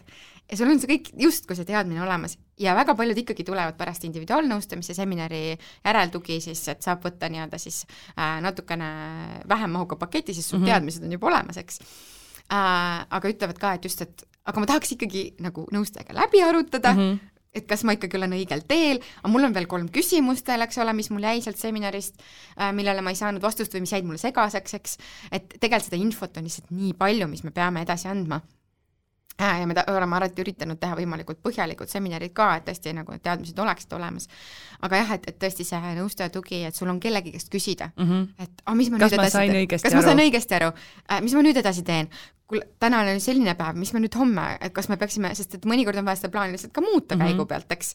et üks asi on see, mis me alguses planeerime, siis me vaatame, kuidas laps reageerib äh, ja nõustaja ongi tegelikult selleks ka seal, et, et ühtepidi toetada vanemat ja öelda, et väga hästi läheb, tubli oled, eks äh,, nii-öelda olla seal selja taga ja julgustada ja teistpidi ka öelda, et kuule, mul on tunne, et vot see aspekt praegu meil ei tööta, teeme nüüd natuke teistmoodi, proovime siit muuta, vaatame, kas nii toimib ähm,. ma arvan, mis vanemate jaoks on natukene raske võib-olla mõnikord ka aru saada äh, nõustamises, on see, et äh, me ei saa teha muud, muudatusi liiga kiiresti mm. -hmm. et mõnikord vanemad tahavad seda tahaks kohe-kohe ju. jah, kohe, et esiteks tahaks kohe tulemust näha ähm,. et nagu ma ütlesin ise ka, et ühe korra mäh-, mähkisin ja toimis ja teine kord ei toiminud, ah, viskasin nurka selle mõtteks ähm,. et sama asi on, et tegelikult me peame igale muutusele andma niisugune kolm-neli päeva aega mm -hmm. ja siis me alles näeme, kas ta hakkab toimima või ta ei hakka toimima. kui me iga päev muudaksime, siis me ei saa enam mitte midagi aru mis toimis, mis ei toiminud, millele ta siis nägi? ja laps ei saa ka midagi, laps on täiesti segaduses, mis toimub, eks, iga päev on mingi täiesti uus plaan. et selle, sellepärast peab lihtsalt varuma kannatlikkust. Äh, ja tõesti need ka, kes äh, võib-olla sa oled lugenud mingit raamatut või, või, või mingi muu kursuse või, või asja soetanud endale, et anna aega natukene lapsel nagu seda äh, omaks võtta.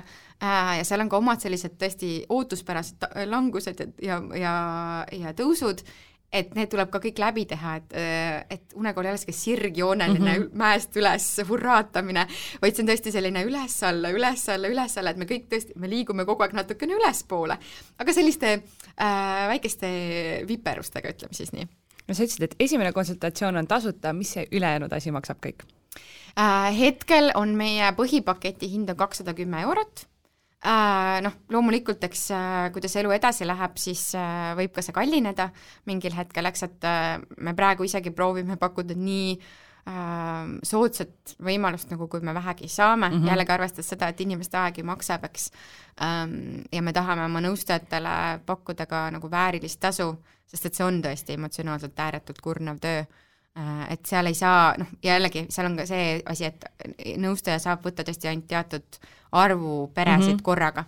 et ähm, et ühtepidi ongi see, et, et see, me keegi ei suudaks seda kinni maksta, kui nõustaja töötaks ühekaupa peredega mm, -hmm. eks, et ta peab töötama mitme perega korraga, aga seal on see limiit ees äh,. ja teistpidi just selle läbipõlemise aspektist ka, et me peame natukene nagu ohjama seda klientide hulka mm, -hmm. mida see no, üks nõustaja äh, võtab kuus vastu, sest ma olen ise nagu olnud selle veerel, et kus mul on olnud tõesti kakskümmend peret kuus ja üheksateist peret kuus ja siis sa nagu ühel hetkel tunned, et ma enam ei mäleta nimesid mm, -hmm. detaile, et noh, et see kvaliteet hakkab siis kannatama ja noh, lähtuvalt sellest tuleb ka see paketi hind, eks.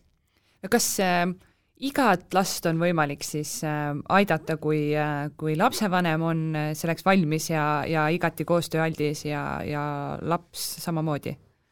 Või on ikkagi neid, kus, kus on tehtud kõik, lapsevanem on teinud kõik, nõustaja on teinud kõik, aga no ei lähe läbi ähm,?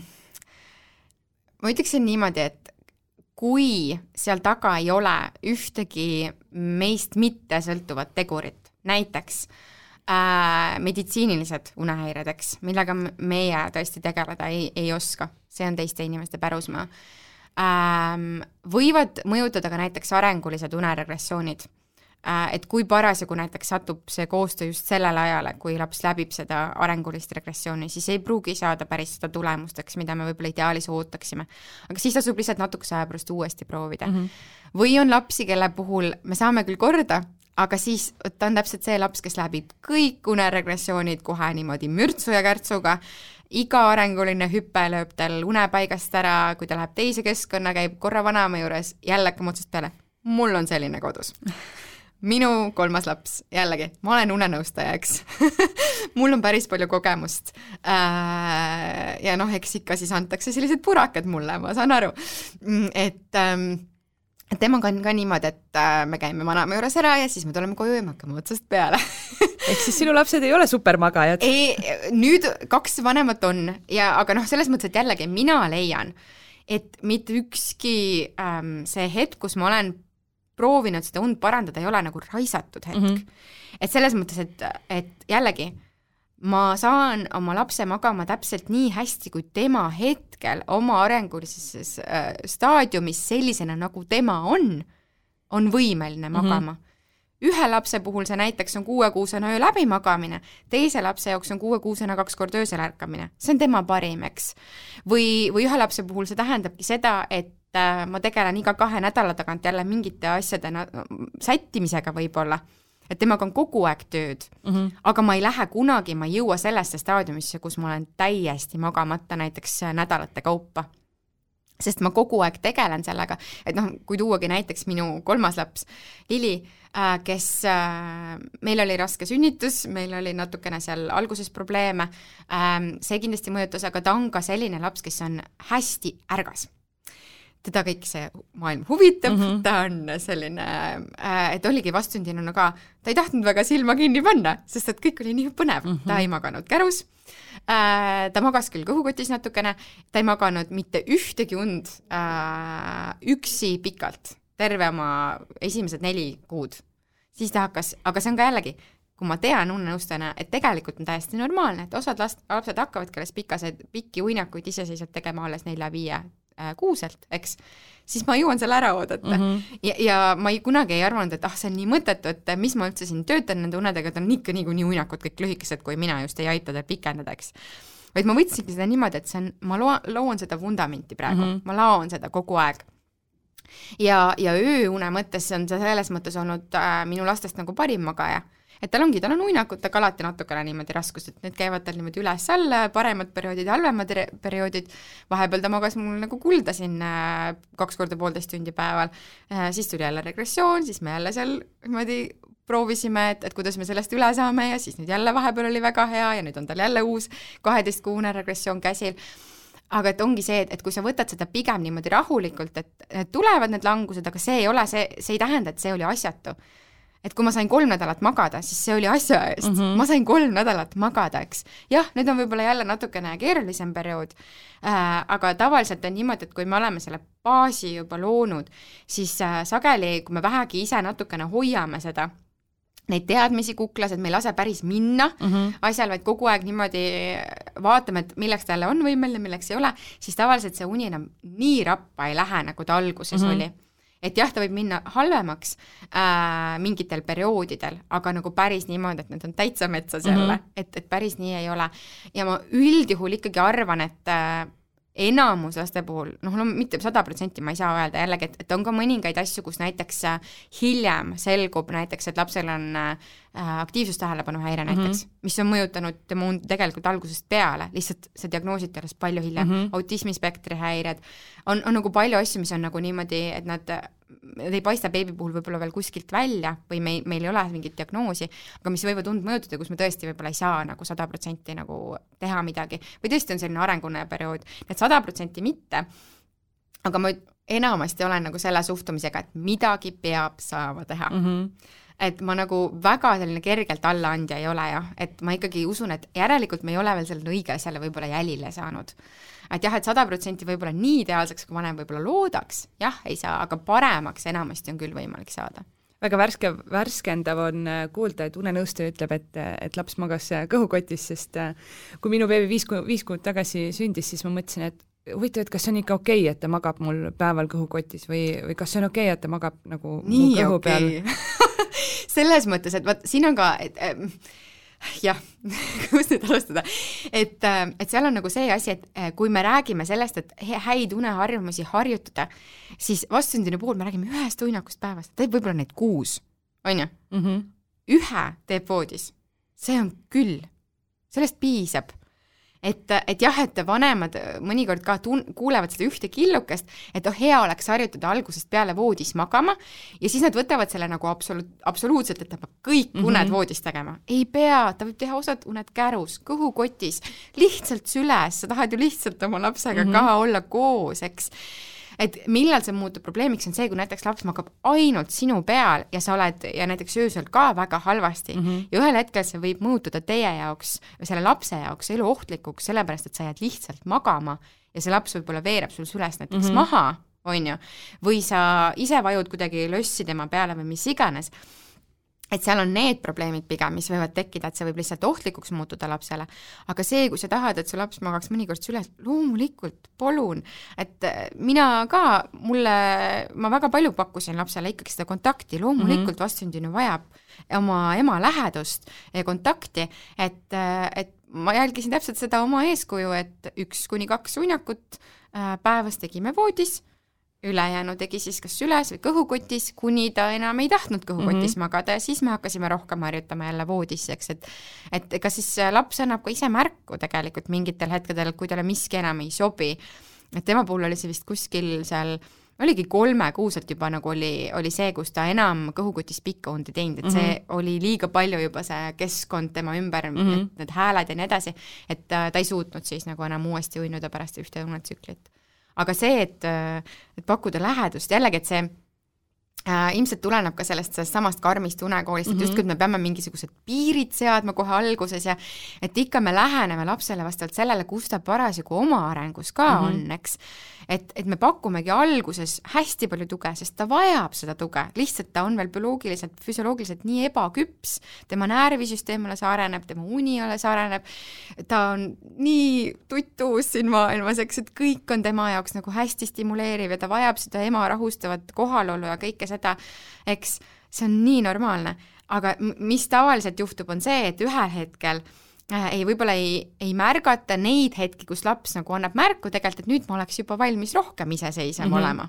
et ma enam ei vajagi nii palju sinu tuge, vaid jätkatakse pidevalt sellega, mis on mingil hetkel toiminud, eks, ja lihtsalt pannakse nii-öelda inertsist edasi samade mm -hmm. harjumustega, et kui ma ikkagi alguses pidin pallil hüppama, sest et ta oli võib-olla väga nutune laps või mis iganes, siis ma jätkangi seda pallil hüppamist ja ühel hetkel muutub see lapse jaoks juba harjumuseks mitte vajadus ei ole see enam mm, -hmm. vaid on harjumus, ta suudaks ka põhimõtteliselt voodis äh, uinuda, aga ta ei, ta ei, ta ei tee seda sellepärast, mitte et ta ei suuda, see on valesti öeldud, tihtipeale me ütleme, et ta ei oska või ei mm -hmm. suuda, tegelikult ta oskab ja suudab ka, aga ta ei ole harjunud mm. -hmm. ja, ja tõesti, et kui ta nüüd ühtäkki pannakse voodisse, kus ta ei ole mitte kunagi varem magama jäänud näiteks, siis ta on nagu, et äh, vabandust, aga mis asi see on kus ma nüüd olen, eks, et, et see on see mõte tegelikult sellel, ka selle ühe uinaku voodisse harjutamisel vastsündinu eas on see, et äh, see voodi ei ole lapse jaoks siis võõras asi mm, -hmm.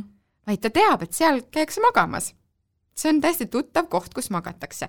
ja siis, kui me järk-järgult suurendame, ütleme, nende uinakute hulka, mis on seal voodis ja vähendame nende uinakute hulka, mis on võib-olla kärus või kõhukotis, eks, nii nagu ta, kuidas ta vanemaks saab ja, ja võib-olla paremini magab seal voodis juba, siis ei ole tema jaoks mingi uus asi et see on täiesti nagu normaalne, et, et nagu noh, et mina nägingi mingil hetkel näiteks, et mu laps unis palju paremini voodis mm -hmm. ja oma pimedas toas ja valge müraga, eks, et kui ta kuskil väljas, kus oli nii palju helisid ja asju ja see nagu kõik häiris teda. nii et eks see on selline äh, jah, et, et ei tasu üheski asjas minna nagu ekstreemsusesse selles mõttes no kas on mingi hetk lapse une siis arengutes äh, selline, kus saab öelda, et, et nüüd on valmis, nüüd on kõik ja nüüd enam ühtegi probleemi ei tule. või see ikkagi kestab seni, kuni põhimõtteliselt laps välja kolib vanemate juurest? jah, tegelikult on uneprobleeme ka teismelistel ja, ja igas vanuses äh, inimestel, ma ütleksin niimoodi mm, -hmm. et ka täiskasvanu eas on ju täiskasvanutel ka uneprobleeme äh,. eks tänapäeval see on paljuski seotud ka unehügieeniga eks, et äh, aga ma tean ka tõesti nagu näiteks selliseid lapsi, kes äh, veel kümneaastaselt vajasid vanema juuresolekut, sest nad olid, nad ei olnud mitte kunagi elus jäänud ilma vanema juuresolekuta magama. Äh,, ja nad tahtsid endiselt, et see vanem oleks seal juures, et, et see on ka natukene selline nii ja naa kas just päris müüt, aga natukene selline võib-olla väärarusaam, et küll ta ükskord hakkab magama mm. -hmm. et on ka neid lapsi, kes ei hakka magama, meil on ka tõesti kaheksa-aastasi pöördunud ja äh, või noh, mitte kaheksa-aastased ise ei pöördu, vaid nende vanemad ikka, eks. aga et, et uneprobleem on tegelikult igas vanuses, aga ütleme, selline raskem periood võib-olla enamus laste jaoks on ikkagi see esimesed kolm aastat et tavaliselt pärast seda vaikselt hakkavad äh, need probleemid kas siis ise lahenema või siis vanem teeb nii-öelda võib-olla mitte väga pikalt mõtlemata need, need äh, muutused ise ära mm. -hmm eks, et mida vanemaks ju laps saab, seda rohkem saab temaga asju läbi rääkida ja noh, tihtipeale lihtsalt äh, niimoodi vanem kas siis kavalusega või, või üsna nagu äh, mingite kuskilt toetud võtetega, eks, et vaikselt ikkagi paneb need piirid paika, et ta ei ole võib-olla enam lap-, ei pea kogu aeg lapsega koos nii-öelda magama jääma või mis iganes, et ühel hetkel võib-olla võõrutatakse rinnast ära ja nii edasi, eks.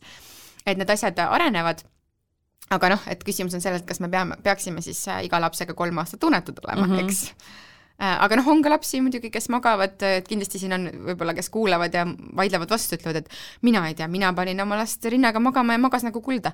ja nii võibki olla, nii võib ka olla et täitsa vabalt võib olla, et mina alati ütlen niimoodi, kui sinule hetkel see olukord sobib ja sinu lapsele see olukord sobib, et siin on ka, ka jällegi kaks mm -hmm. poolt, on ju, mõlemad on võrdselt olulised ja mõlemad peavad olema rahul. et kui laps on rahul ja vanem ei ole rahul, tuleb tegeleda. kui vanem on rahul, aga laps ei ole rahul, näiteks viril, klammerduv äh,, ilmselgelt üleväsinud, pahas tujus, pidevalt näiteks võib-olla väikelapsena nagu hästi palju jonnihoogusid või emotsiooni äh, regulatsiooni raskusi, mis on küll eakohased jah, aga mingi maani. et ähm, et siis tuleb ka midagi muuta, et isegi kui sa ise ütled, et noh, ma võin panna küll teda selle trenni, aga, aga, aga kui sellest tulenevalt su lapse ajuni näiteks väga katkendlik, siis see mõjutab ka tema elukvaliteeti mm, -hmm. eks, ja tema tujusid ja tema tervist. et, et seal tuleb leida see nii-öelda koostöö siis nende kahe vahel, et, et mis sobib ühele ja teisele, mõlemale no väga põnev, ma kujutan ette, et äh, laste uni on selline teema, millest me võiks rääkida päevi ja päevi ja päevi kindlasti, jah aga mul on äh, mõned äh, lugeja küsimused, ähm, kasutame siis ära natuke seda nii-öelda tasuta nõu varianti. Esimene küsimus on selline, et miks beebi ärkab vara? viiekuune teeb kolm-neli uinakut päevas enamasti tunnised ja, ja kahetunnine lõunauni ja läheb magama seitsme-kaheksa vahel õhtul ja väga palju kauem ei jaksa üleval, sest, üleval olla, sest siis ta on juba väsinud ja hakkab jaurama ja ärkab siis äh, vara siis viie-kuue paiku um,? Noh, siin oleks jällegi mul natukene rohkem infot vaja, aga lähtudes oma kogemusest, ma pakuks välja, et seal võib olla eh, probleem kahes asjas eh, või kolmes asjas, ütleme, ma toon kolm aspekti mm -hmm. välja, mida ma võib-olla esimese hooga kohe vaataks esimene asi on uneassotsiatsioonid, ehk siis kui see laps uinub, seda me nüüd ei ole rääkinud, mis on uneassotsiatsioon, aga see on põhimõtteliselt siis see, mida laps seostab unega. Needsamad uinumisviisid, eks. et kui laps näiteks on harjunud jääma magama äh, vanema äh, juuresolekul, kussutades, kiigutades äh,, süües, ükskõik kas pudelist või, või rinnast, siis vastu hommikut on tema uni väga pinnapealne ja isegi kui ta saab seal seda abi, ta ei pruugi olla võimeline uuesti uinuma, sest et ta on täiesti üles ärganud selleks, et seda abi saada mm. -hmm. et kui muidu laps, kes on äh, õppinud näiteks iseseisvalt oma unetsükleid siis vahetama, eks, et minema ühest unetsüklist teise üle, et ta virgub küll kergelt, aga ta ei ärka täiesti üles tihtipeale, vaid läheb ilusti sujuvalt järgmisesse unetsüklisse edasi, siis äh, tänu sellele, et ta ei virgu täielikult ta jääb uuesti magama ja magab kenasti hommikuni. et see on üks asi, mis tihtipeale me näeme, et selles vanuses hakkavad need uneassotsiatsioonid just mõjutama seda varahommikust ärkamist. seda viimast, neid viimaseid unetsükleid ei, ei ole nagu võimalik enam selle abiga ühendada. teine asi on unekeskkond. kui seal varahommikul on meil praegu, eks ole, väga valge ja kui see tuba ei ole piisavalt pime, siis valgus on üks asi, mis annab kehale signaali, on ärkamise mm -hmm. aeg, eks ähm,. nii et kui see tuba ei ole tõesti selline noh, kottpime ikka sisuliselt, et meie soovitame öös, öisel ajal kindlasti vähemasti, et oleks see, äh, see tuba selline ühest kümneni skaalal kaheksa kuni kümme, et tõesti, noh, mitte midagi ei ole näha, nii võimalikult pime kui vähegi võimalik. et see on üks väga lihtne katse, mida saab teha mm, -hmm. et, et ongi, et äh, pimendada ära, vaadata kolm-neli päeva jällegi, eks, et kuidas see mõjutab ähm, ja siis kolmas asi on see, et ta, ta mainis, et kolm-neli uinakut äh, tunniajased ja kahetunnine. Äh, ma võiks siis eeldada seda, et tegelikult see esimene uinak hakkab ka tal väga vara, sest kuna ta ärkab vara, siis äh, ema tõenäoliselt paneb ta ka esimesse uinakusse juba seal ütleme võib-olla seitsme-kaheksa vahel, eks, mis omakorda hakkab soodustama veelgi seda varast ärkamist. Mm, -hmm. sest laps võtab omaks selle rütmi, ta ärkab, ta võetakse voodist välja tema jaoks hakkavad kohe tsirkadiaanrütmi reguleerima äh, põhiasjad nagu valgus, sotsiaalne interaktsioon, talle antakse süüa ja ta hakkabki kujundama oma tsirkadiaanrütmi selle järgi, et tema äratus ongi viis-kuus ja siis tema uinak juba tulebki seitse-kaheksa ja nii edasi. Ähm, äh, mis tähendab seda, et, et me ka selle päevaga ka tegelikult soodustame praegu siin seda. Ja see võib olla ka kõigi kolme kombinatsioon et võib olla ka niimoodi, et ema teeb küll toa pimedaks, aga uneassotsiatsioon ikka takistab mm -hmm. või siis see päevaga või ikka takistab, eks. et siis seal tulekski siis nii-öelda terviklikult vaadata, et mida siis täpsemalt on vaja, kuidas need, need asjad on vaja kombineerida niimoodi, et, et see äh, varane ärkamine nihkuks natuke hilisemaks. selge. Äh, teine küsimus, kuidas panna magama üleväsinud laps? jälle, mis vanuses laps, ähm, et seal nii palju, noh, et, et see, kuidas me paneme kahekuust üleväsinud last mm -hmm. magama ja kaheaastast, on väga erinev, eks ähm,. mida üleväsimuse puhul tuleb muidugi arvestada, on see, et tõenäoliselt laps on viril või, või siis hüperaktiivne, kaks varianti et äh, tal kas on selline, et äh, nalja palju ja üldse ei tule und või siis äh, on hästi viril ja hästi palju nuttu. viimasel ajal ma olen märganud, et minu viiekuune, kui ta on juba noh, kaks tundi on juba üleval olnud, siis ta hakkab juba ära väsima ja siis ta hakkab puristama mm. -hmm. ta annab sulle märku, nüüd on aeg. jaa, et see on õudselt naljakas, et tundub, et tal ei ole tegelikult und aga et ma juba saan aru, et ta on juba päris kaua üleval olnud, et tegelikult ta on väsinud ja siis ta hakkabki puristama, kuigi tal endal on jube naljakas olla. ja kusjuures, äh, kui väsimuse märkidest rääkida, siis ongi niimoodi, et alguses, äh, kui väsimus hakkab peale tulema lapsel, siis tavaliselt aktiivsus väheneb vähem kõnet või lalisemist, võib-olla laps vahib ühte kohta näiteks mm, -hmm. Võib-olla enam ei taha interakteeruda sinuga nii palju, suhelda, ei taha võib-olla raamatut vaadata või mänguasjad ei huvita enam, et ta selline, läheb sellisesse nagu vaiksesse olekusse E, siis tulevad need sellised, mida meie võib-olla kõige paremini teame, noh nagu haigutamine või mhm. silmade hõõrumine, kulmud lähevad roosaks näiteks, et tuleb juba selline, selline äh, raske silm, eks ole, mis mm -hmm. hakkab nagu vajuma ja kui me nüüd selle aja laseme mööda või kui see laps konkreetselt näiteks ei näita neid väga selgeid väsimuse märke, millega me harjunud oleme, siis ta läheb juba, siis hakkab aktiivsus jälle kasvama mm. -hmm. et tekib see hüperaktiivsuse faas nii-öelda, kus hakataksegi puristama, lalisema hästi kõvasti, kriiskama ja kui sealt sellel hetkel ka ei pane magama, siis juba tuleb see, et on nutt, nutt ja hala mm -hmm. ja hästi viril ja pahas tujus ja nii edasi. meil tegelikult täiskasvanutel toimub täpselt sama asi et kui sa mõtled mingi peo peale, et lähed peole, ütleme eriti emad on ilmselt harjunud, et kuskil seal kümne-üheteist vahel tuleb selline täiesti surnud punkt, et oled seal peol ja mõtled, oh, tahaks magama minna, niisugune uni on, aga kui sa selle üle lased, siis kuskil kaheteistkümnest mm -hmm. hakkab juba päris mõnus ja siis tuleb nagu uus energialaks sisse, eks. ja, ja lastel on tegelikult sama asi, et see noh, jällegi füsioloogiliselt toimib uni. aga millal siis teda peaks hakkama magama panema, kui, kui mõtledki näiteks selle peale, et et noh, et ta on nüüd kaks tundi üleval, et et selleks, et ta, ma ei tea, liiga palju hinnakuid ei teeks, et kas ma tõesti pean panema ta siis magama, kui ma näen, et noh, juba pilk, pilk hakkab klaasistuma, või ma pean ootama seda haigutust või tegelikult on niimoodi, et kui, kui sa teed vähegi mingisuguse väikse unerituaali ka või mingid toimingud, näiteks mähkmevahetus või midagi toimub sinna ette, siis peaks hakkama ikkagi reageerima kohe nende esimeste väsimuse mm -hmm. märkide ajal, eks. et äh, mida väiksem laps, seda kiiremini tuleb see üleväsimuse hetk peale et seda väiksem on see nii-öelda aken, kus sul on võimalus ta nagu rahumeelselt magama saada. Ja mida vanem laps, seda rohkem on muidugi seda mänguruumi seal, aga tõesti pigem ikkagi varasemad, varaste hetkede või nende väsimuse märkide ajal juba hakata toimetama selles suunas, et varsti saate magama jääda, et tõesti nende äh, selliste keskmiste ajal, kus, mis on nagu need haigutamised, siis juba põhimõtteliselt läheb laps voodisse, eks.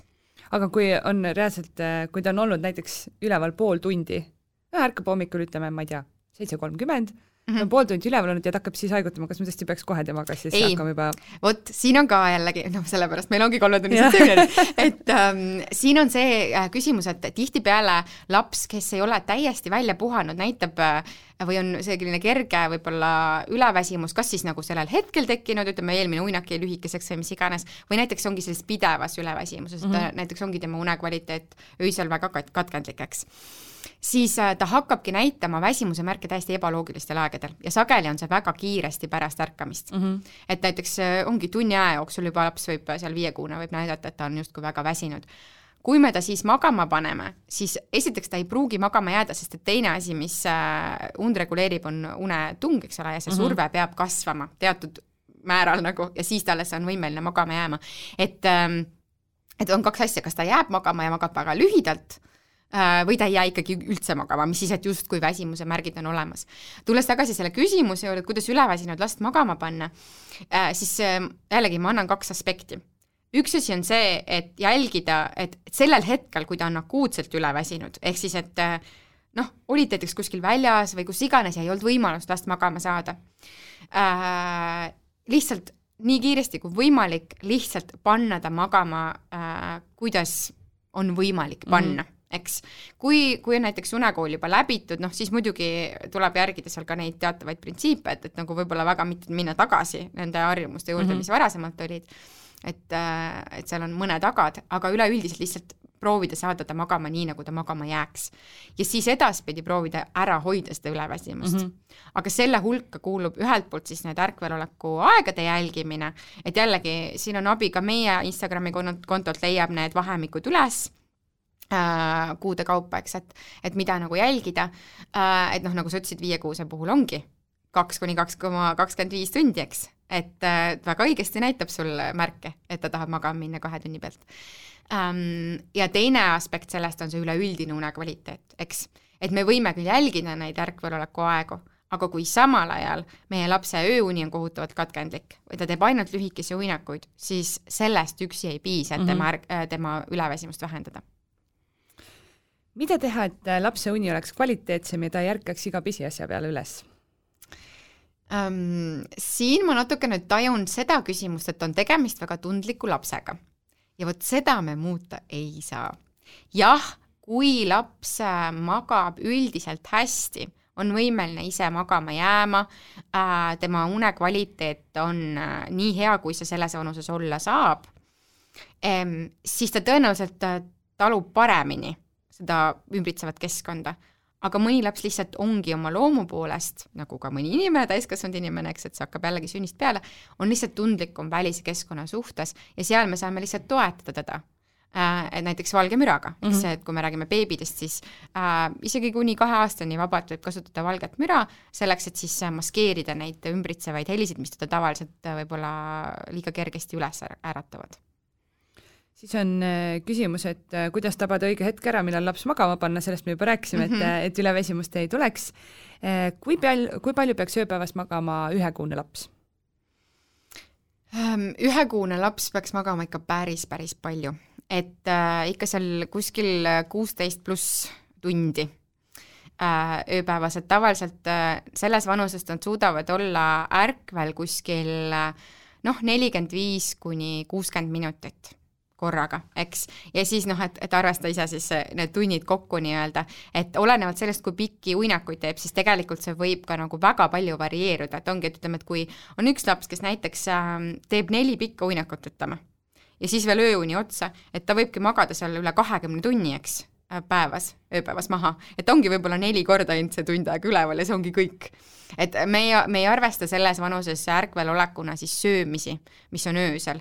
eks et äh, kui laps lihtsalt sööb ära ja jääb kohe pärast seda magama mm, -hmm. siis see ei ole ärkvel olek, eks, et see on põhimõtteliselt ikkagi tema ööune osa aga et äh, kui seal on laps jällegi, kes näiteks teeb ainult kolmekümne, neljakümne minutilisi uinakuid, siis temal tuleb seda ärkvelolekut päeva peale ju kokkuvõttes rohkem, eks ähm,. aga selline, ütleme seal selles vanuses niisugune kümme kuni kaksteist tundi võiks olla ööuni, noh, mõni, mõningatel juhtudel see on ka selles vanuses veel alles selline üheksa tundi on ööuni, et mõni laps lähebki selles vanuses, ütleme seal üheksa-kümne vahel, ärkab hommikul, ütleme kuue-seitsme vahel või seitsme paiku ja päeval siis tõesti iga Äh, maksimaalselt tunni järel siis üks uinak. no olenevalt sellest, kui pikad need uinakud on, tuleb see unemaht ka siis.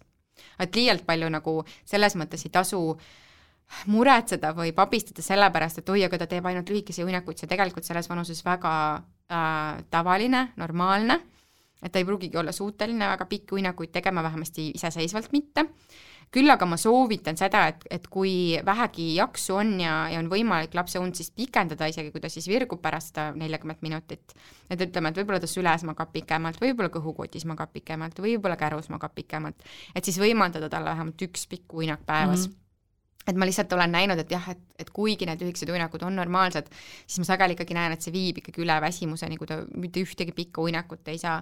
ja siis sageli võimenduvad ka muud probleemid, et küll see nutusus, virisus, võib-olla söötmisprobleemid, eks, ja, ja kõik muud, et mul endal oli jällegi kolmas laps niisugune korralik pähkel, temal oli ka söötmisega väga palju probleeme algusest peale, ta väga huvitatud rinnast ei olnud et äh, talle kuidagi see söömine kui tegevus küll oli piimavool liiga väike, liiga suur, liiga palju, liiga vähe, eks ole, et et äh, asend ei sobinud ja nii edasi ja nii edasi, et äh, tema puhul ma täheldasin väga selget seost, kui ta oli teinud pika uinaku, oli meil söötmine poole rahulikum, kui oli lühikesed uinakud ja, ja ta oli väsinud, eks, siis oli kohe äh, söötmisega mm. ka palju rohkem probleeme. nii et, et seal on nagu kõik asjad, et, et tihtipeale nagu vanemad, kes tulevad, et meil on, et mul on koolikutega laps, et see tegelikult ei ole koolikuid, vaid see on üleväsimus, mis õhtuks koguneb ja siis on palju-palju nuttu tundideks siis äh, sellest me juba tegelikult rääkisime ka, et, äh, et on okei okay,, kui laps jääb äh, magama kaisus või rinnal, aga on küsimus, kuidas sellest võõrutada? no vot, siin tulebki nüüd appi see leebe unekool, eks, et me järk-järgult muudame seda uinumisharjumust äh,. täpsetest meetoditest ma ei taha sellepärast rääkida, et sinna juurde käib hästi palju muud infot, mis mm -hmm. on hästi vajalik. et äh, sellepärast ma ei ole ka suur fänn äh, nagu nendel, ütleme äh,, võib-olla sellistel raamatutel, mis ka natukene pinnapealselt võib-olla käsitlevad neid asju mm, -hmm. et seal on väga lihtne või see, et lähen guugeldan ja leian mingi meetodi, nüüd kohe hakkan proovima. et unega on ikkagi vaja tegeleda terviklikult ja see kogu pusle on hästi oluline. kui me ainult võtame selle mingi ühe unekooli meetodi, aga samal ajal sa ei ole vaadanud oma lapse päevakava mm, -hmm. on ju, sa ei ole vaadanud tema, oma lapse unekeskkonda ja lihtsalt läheb või, või isegi arengulisi neid, tegureid, eks ole, või sa, sul on ootused hoopis mingid muud, mida ta praegu on võimeline tegema noh, siis on seda nuttu väga palju, eks mm, -hmm. ja siis tullakse selle murega, et ei toimi, ei toimi, eks, jällegi, et ähm, et sellepärast pigem mine vaata ära meie kursus või seminar, eks, ja siis, äh, ja siis äh, vaata, aga jah, need leebe unekooli meetodid aitavad koostöös siis tõesti selle optimaalse päevakava ja, ja unekeskkonnaga. Äh, kas on okei okay,, et beebi magab vanemate voodis ja kui jah, siis kui kaua? See on okei okay, äh, siis, kui järgitakse ohutusnõudeid või siis ütleme, ohutu äh, koosmagamise printsiipe äh,. Nendest äh, me ka oma seminarides, äh, kursustel räägime, aga tõesti see, et, äh, et äh, neid leiab ka internetis või näiteks võib Ameerika Pediaatrite Ühingu kodulehelt otsida, et seal on ka nimekiri välja toodud täpselt, kuidas on mõistlik ja turvaline, aga tõesti, neid artikleid leiab palju internetis tegelikult et see võiks olla alati nagu planeeritud, mitte niimoodi, et äh, sel praegul hetkel mul tuli piir ette, nüüd ma võtan ta lihtsalt sinna voodisse, nende suurde tekkide alla kuskile ja ma ei tea mida, et see võib olla ohtlik, eriti noh, vastsündinu eas ma mõtlen. Aga et selles mõttes loomulikult see on okei okay,, kui see on teie pere jaoks okei okay ja kui see toimib jällegi mõlemale osapoolele, nii vanematele kui lapsele. et äh, mitte miski selles mõttes ei ole ju selline mustvalge, kui me räägime laste kasvatamisest. alati on hästi palju nüansse, see, mis sobib ühele perele, ei sobi teisele. see, mis sobis äh, kolmekuuselt, ei pruugi sobida kuuekuuselt. ehk et ka selle kaisus magamisega on täpselt see, et jällegi on tekkinud selline müüt selle ümber, et lapsed kõik vajavad nii tohutult palju lähedust ja nad magavad kaisus nii super hästi. ma ei tea, kelle lapsed, mitte minu omad. et, ähm, et noh, jällegi, et, et äh, mina ei maga hästi äh,, mu laps ei maga hästi, et äh, millest me siis räägime, eks. et, et, et samamoodi see, see on selline, et, et kui me tahame seda sundida nagu, et, et me oleme kuskilt lugenud, et see on näiteks jube hea kiindumus suhtele või midagi taolist, võta rahulikult kiindumussuhte kujundamiseks, turvalise kiindumussuhte kujundamiseks on palju erinevaid muid viise et see ei pea olema kaisus magamine, kui see ei toimi teie pere jaoks, ärge tehke, kui sa väga tahad ja see toimib, palun väga.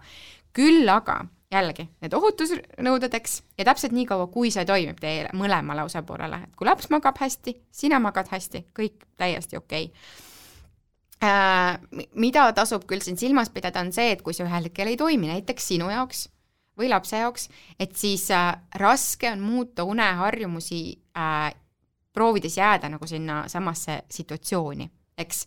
sellepärast, et ka seesama vanema juuresolek, seal kõrvalolek laps tajub seda väga hästi mm -hmm. ja oodata nüüd seal seda, et aga ma tahaks niimoodi, et äh, ma olen tema kõrval, ta jääb magama, siis ma lähen minema ja siis ta magab öö läbi näiteks, et ma tulen millal iganes ma siis nagu soovin uuesti magama tulla et see on natuke ebarealistlik ootus lihtsalt lapse suhtes. kui ta on, kui ta on harjunud ja tema jaoks on turvaline see, et, et sa oled seal kõrval, noh et kujuta ise ette, et sa ärkad näiteks, ütleme, kui on partner olemas, sa ärkad keset ööd ja partner on kadunud. kohe tekib mure mm, -hmm. kus ta läks keset ööd mis toimub, on ju. ja lapse jaoks on sama asi, et tema ju ei tea, et kell on seitse ja sina tahad veel kolm tundi filmi vaadata, on ju. vaid tema jaoks ongi see, et aga pärast esimest unetsüklit ta kohe äh, jälle teeb sellise kerge kontrolli, kas tema unekeskkond on sama, ta märkab, ema on kadunud mm, -hmm. eks, ja ta hakkab teda otsima, see on täiesti loomulik, eks, et see nii toimib, jällegi on erineva tundlikkuse astmega lapsi, eks mõni magabki võib-olla kenasti seal siis see kolm tundi ilma vanemata ära aga et kui probleemiks on see, et laps näiteks ärkab väga tihti või ei maga üldse ilma sinu juuresolekuta, siis ilmselgelt me peame seal siis midagi muutma ja tõenäoliselt see muutus on see, mida me vajame, on see, et laps hakkaks magama oma voodis, mitte enam siis kaisus. ja viimane küsimus ongi, et kuidas last hakata oma voodisse magama harjutama? Äh, siin on jällegi see, et kui sünnist saati, siis, siis ma soovitangi seda, et üks uinak päevas harjutada voodisse. et sa võid temaga magama panna oma süles näiteks või rinnal või mis iganes, aga et tõesti, kui algusest peale hakata harjutama, siis tavaliselt esimene kuu aega on, on suhteliselt niisugune unise vastsündinu aeg, kus nad võrdlemisi kergesti jäävad ja ei ärka ka selle peale kohe üles, kui nad voodisse panna. muidugi seal on ka väiksed oma nipid, kuidas saab teda panna ja nii edasi või ka meetodeid, näiteks vastsündinu seminaril räägime sellest, kuidas äh,, millised erinevad meetodid on, et, et saada ta seal voodis magama, et küll abistada teda, aga niimoodi, et sa ei pea teda süles magama mm -hmm. panema, et seda nii-öelda ümbertõstmist enam ei ole äh, et sellisel juhul kõige parem viis ongi harjutada kohe algusest peale, et see ei olegi tema jaoks võõras koht. mida ma ei soovita, on harjutada last mängima voodis sest et siis on see väga segane asi, et mm -hmm. miks nüüd ühtäkki peab seal magama jääma, et varasemalt on see ju niisugune tore mängukoht olnud, et seda ma ei soovita. et äh, ikkagi voodi on magamise koht ja seal magatakse ja ainult magatakse aga kui laps on juba natukene vanem, siis tulevad jälle mängu needsamad äh, leebe unekooli meetodid.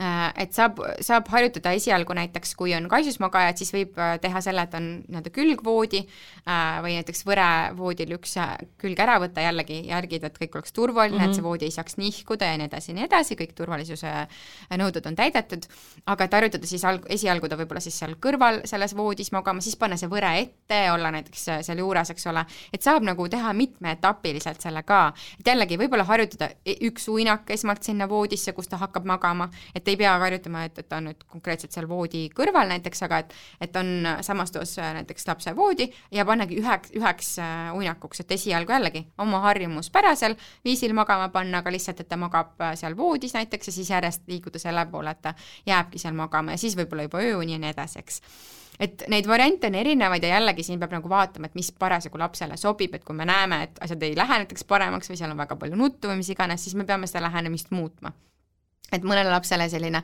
väga järk-järgult äh, jällegi lähenemine on hoopis veel rohkem segadust tekitav ja tema jaoks olekski lihtsam see, kui me lihtsalt ühel hetkel ütleme, et nüüd sa magad siin voodis ja nii on mm, -hmm. eks.